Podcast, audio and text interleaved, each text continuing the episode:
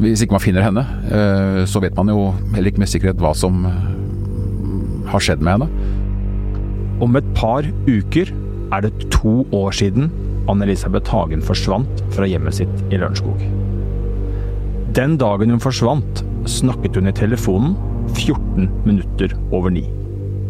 Etter det har det ikke vært ett eneste livstegn fra henne. Det andre er jo tidslinja, for å få det til å gå i hop eh, med Tom Hagen som eh, gjerningsmann. Et halvt år etter at Tom Hagen ble pågrepet og siktet for drap eller medvirkning til drap, har han nå flyttet hjem til huset sitt i Sloraveien. Han skal ta hverdagen tilbake i huset hvor politiet mener det har skjedd et drap, og hvor etterforskerne har jobbet med beslag og rekonstruksjoner i nesten et halvt år.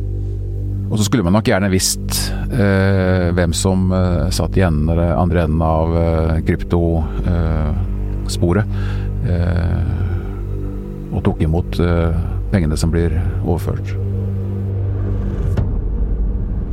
Sist jeg lagde en episode om Lørenskog-saken, var det juni.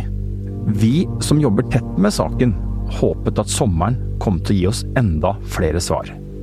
Vi dro på sommerferie med både opptaker og datamaskiner. Klare til å jobbe når det skjedde noe. Men i stedet ble det helt, helt stille. Jeg heter Øystein Millie, og du hører på Krimpodden.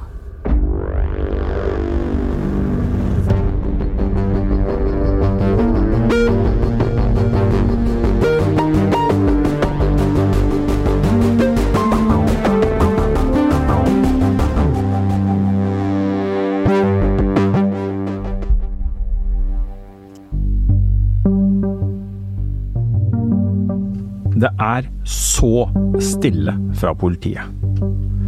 Offentligheten hører nesten ingenting om det de arbeider med eller mot. Likevel. Mitt klare inntrykk er at det jobbes for fullt. At trua på å løse saken ligger fast.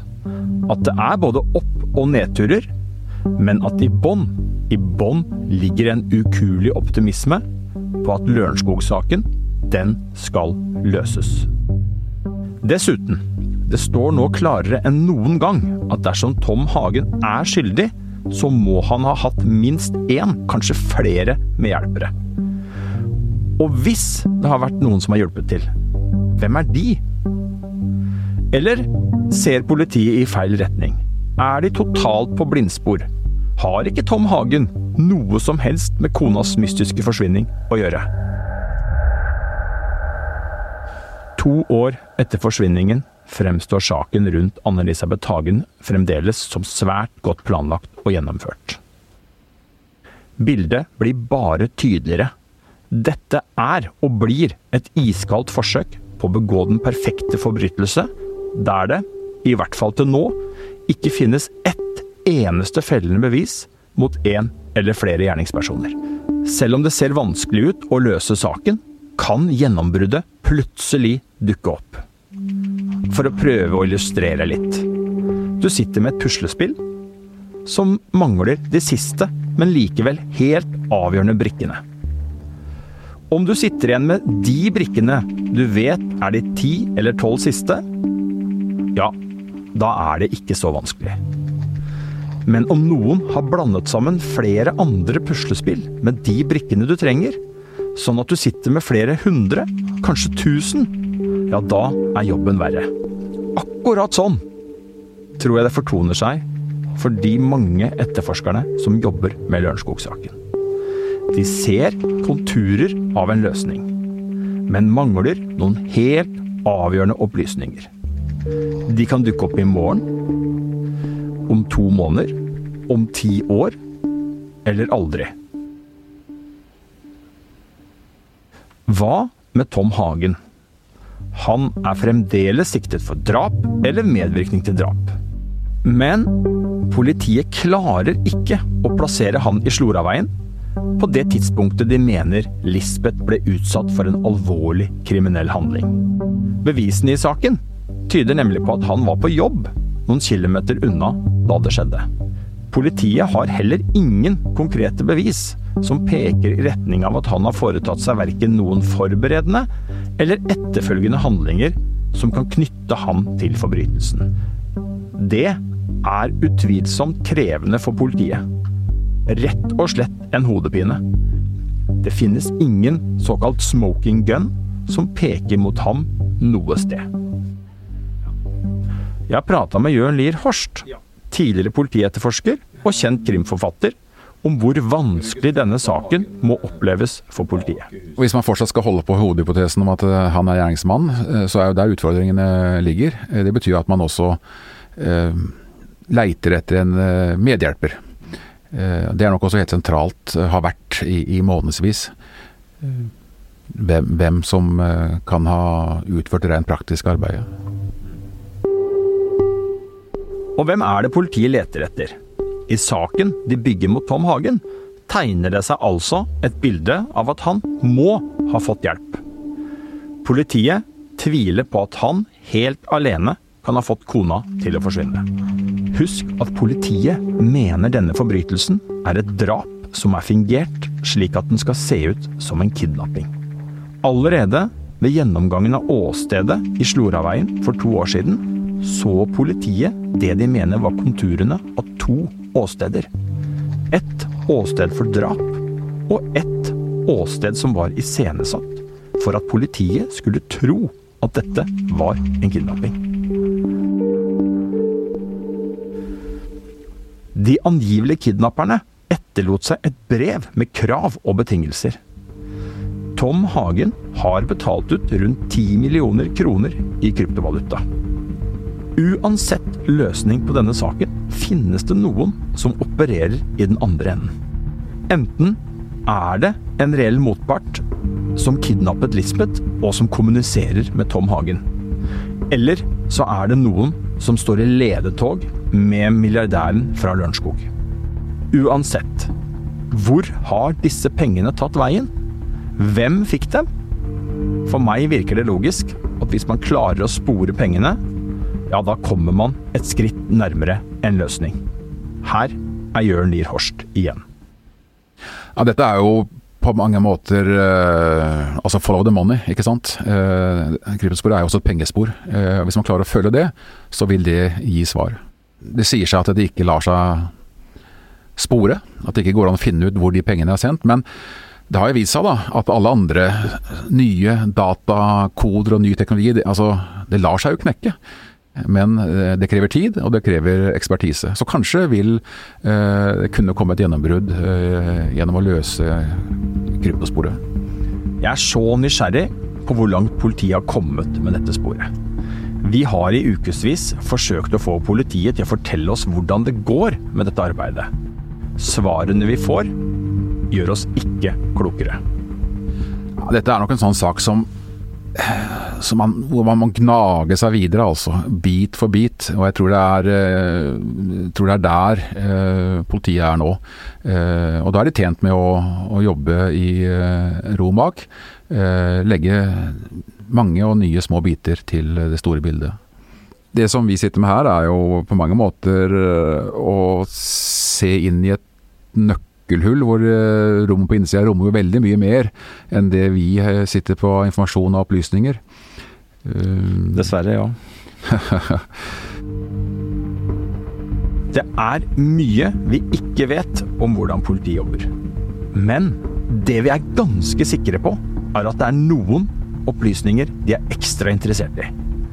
Og jeg er ganske sikker på at på en whiteboard-tavle, om det finnes en sånn, i hvert fall henger to bilder som politiet interesserer seg litt ekstra for.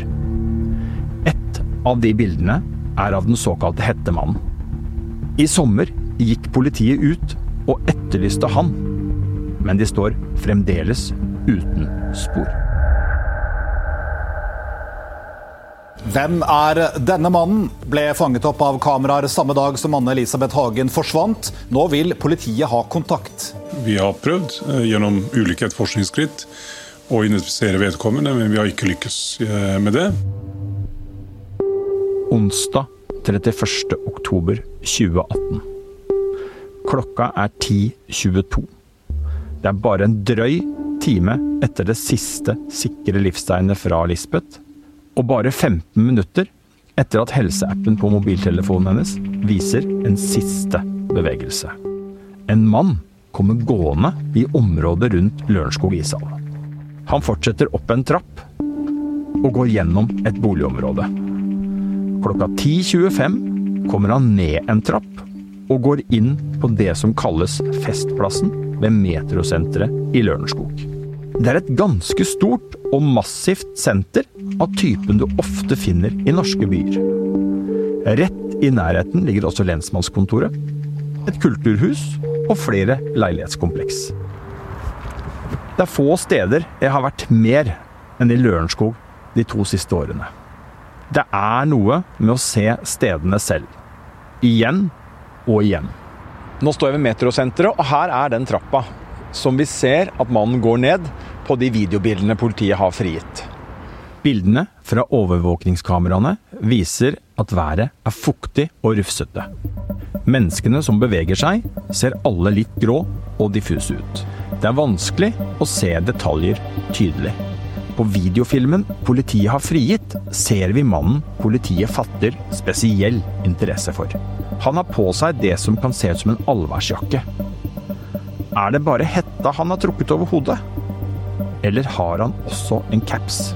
Det er vanskelig å si. Det er nesten umulig å se konturene i ansiktet hans. Er det dekket til av en bøff, eller er det skjegg? Jeg har gransket disse bildene gang etter gang. Startet, stoppet, blåst opp og ned igjen. Tenkt og tenkt. Og jeg lander hver gang på at jeg tror han har en bøff trukket godt opp. Mye mer opp enn de fleste av oss gjør. For jeg bruker ofte bøff når det er kaldt. Ofte lar jeg den henge løst rundt halsen, men når det er ekstra surt, hender det jeg trekker den over haka. For meg ser det ut som hettemannen har trukket en bøff godt over nesa. At han har den rett under øynene. Det er lett å tenke seg at han forsøker å skjule ansiktet. Det er i hvert fall noe som slår meg mer og mer. Den ukjente hettemannen går over Festplassen og forsvinner i retning en gangbru som går over rv. 159. Klokka 10.32 fanger et nytt videokamera ham opp. Denne gangen ved hjelpemiddeltjenesten, som ligger bare seks minutters gange fra Sloraveien. Og her, her gjør han noe som jeg syns er litt rart.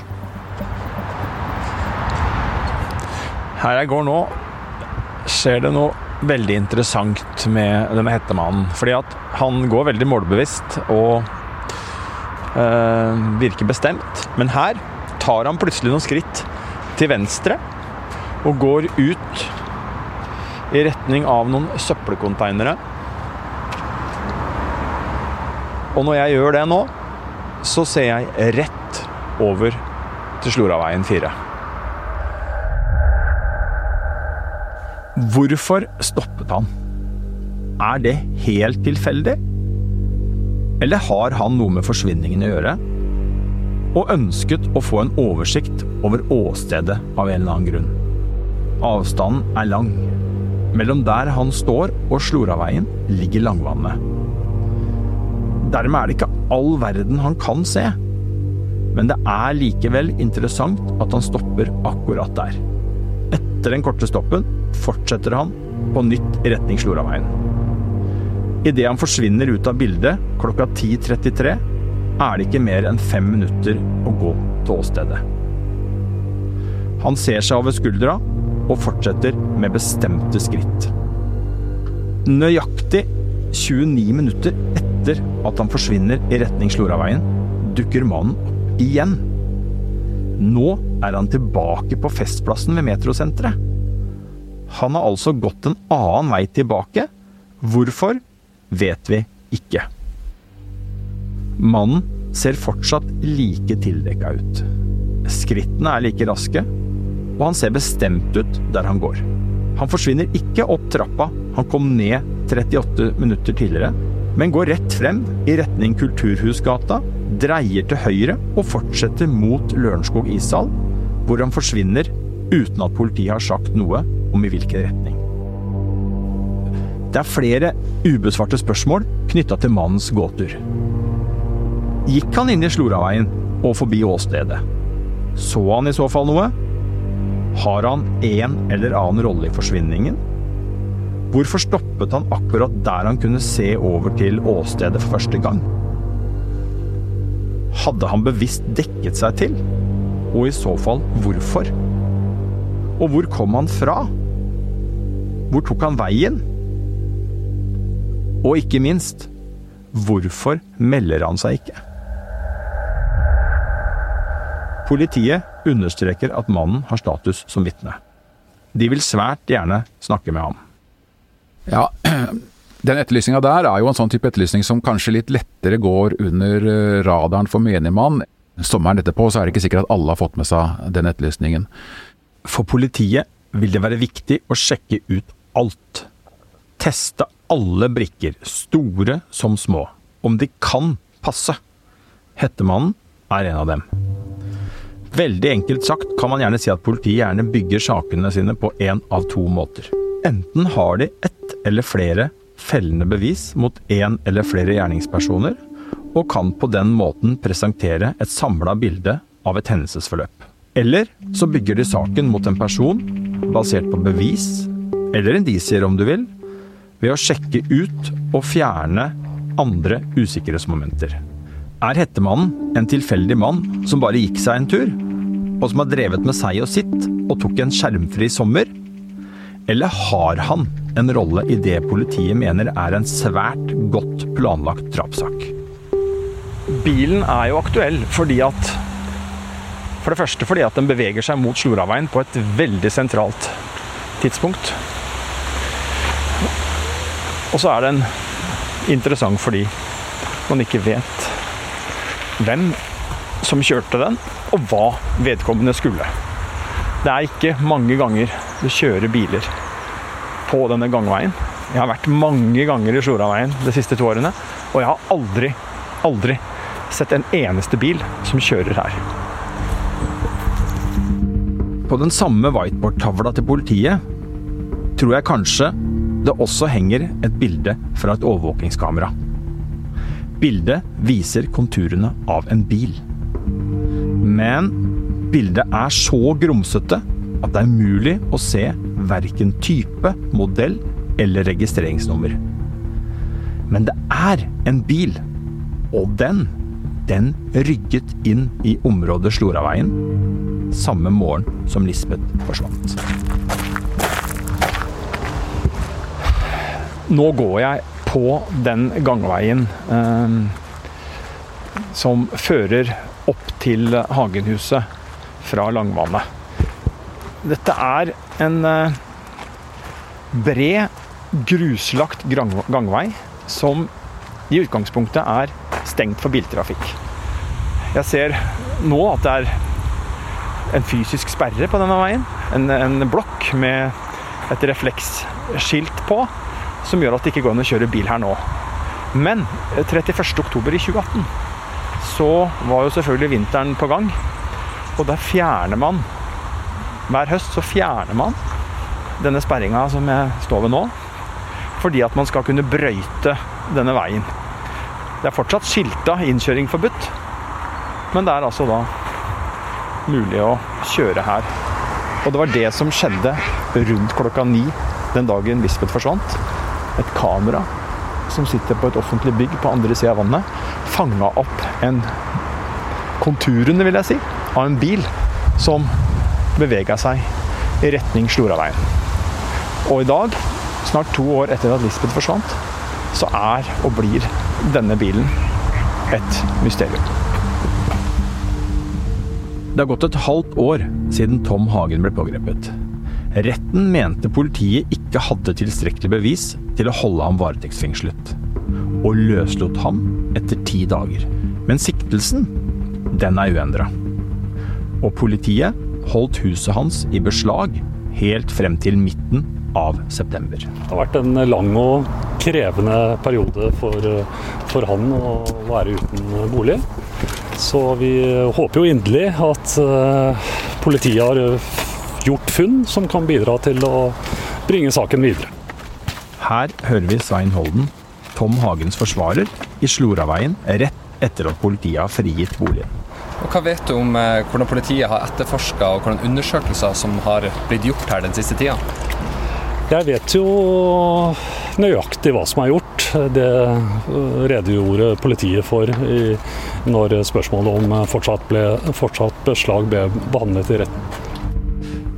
Når politiet har huset til Tom Hagen i beslag, betyr det at de kan jobbe, gjøre undersøkelser og rekonstruksjoner, og at Tom Hagen ikke har hatt tilgang. Og de har holdt på svært lenge. Jeg er jo blant de som var overraska over hvor lenge politiet skulle tviholde på det åstedet. Det er jo begrensa si, hvor lenge man kan leite etter uh, tekniske spor. Uh, jeg tror kanskje det handler om en grundig rekonstruksjon, og en rekonstruksjon på måter som vi antagelig ikke har uh, sett for oss før. I dag så er man jo i stand til, ut ifra bl.a. Uh, strømmålere, uh, å kunne lese når tid lyset ble skrudd på når noen kom hjem. Det er jo en svært tidkrevende form for rekonstruksjon. altså Du må jo eliminere hver elektronisk eh, kilde for å se eh, hvordan dette slår ut, hva altså forbruket på hver eneste elektronisk kilde. Det er noe jeg kan tenke meg at de har forsøkt å gjøre i, eh, i huset. Noe som bare kan gjøres eh, i huset. F.eks. Når, når en eh, varmtvannssank eh, slo inn fordi noen gikk og vaska hendene. det er sånne ting man faktisk kan, kan finne ut. Tom Hagen har et sterkt ønske om at eh, politiet oppklarer saken, og derfor håper vi naturligvis at eh, vi har funnet informasjon som kan bringe saken videre. Gjennom Svein Holden har Tom Hagen initiert en slags egen etterforskning. Han har utlovet en dusør for tips som kan føre til at det han mener er en kidnappingssak, blir oppklart. Det kan jo umiddelbart høres forlokkende ut at en person med midler ønsker å bidra til å oppklare en forbrytelse. Men det er en spesiell situasjon å havne i. At den politiet mistenker er delaktig i en forbrytelse, selv går ut og starter sin egen informasjonsinnhenting. Ja, Det tenker jeg er direkte skadelig for etterforskninga. Fordi at eh, i realiteten nå så blir jo politiets hovedmistenkte fortsatt drapssiktede Tom Hagen han blir jo sittende i en posisjon hvor han kan eh, sile eh, opplysningene som skal videre til politiet. Eh, og Én ting er at eh, hovedmistenkte da kan eh, sile bort eh, det som kan være skadelig for han. En annen side det er jo at hvis det kommer inn opplysninger som skulle stemme, opplysninger som, som kan være direkte farlig eh, for, eh, for, gjerningsmannen, så vil han jo også komme i en posisjon hvor han kan eliminere de vitnene som kan eh, ha informasjon. Hvis man skal tenke liksom ja, veldig bredt på det, da. Men, men, han har altså mulighet til å, til å stilne eller til å tysne de som måtte vite noe. Det har blitt høst. Og den forventningen jeg kjente på før sommeren, har blitt litt mindre. Vi vet ikke så veldig mye mer nå. Men litt vet vi. Politiet jobber både hardt og dedikert med bl.a. sporene knyttet til kryptovaluta og den såkalte Hettemannen. Og jeg vet at så lenge det jobbes, ja, da er det håp om å finne en løsning.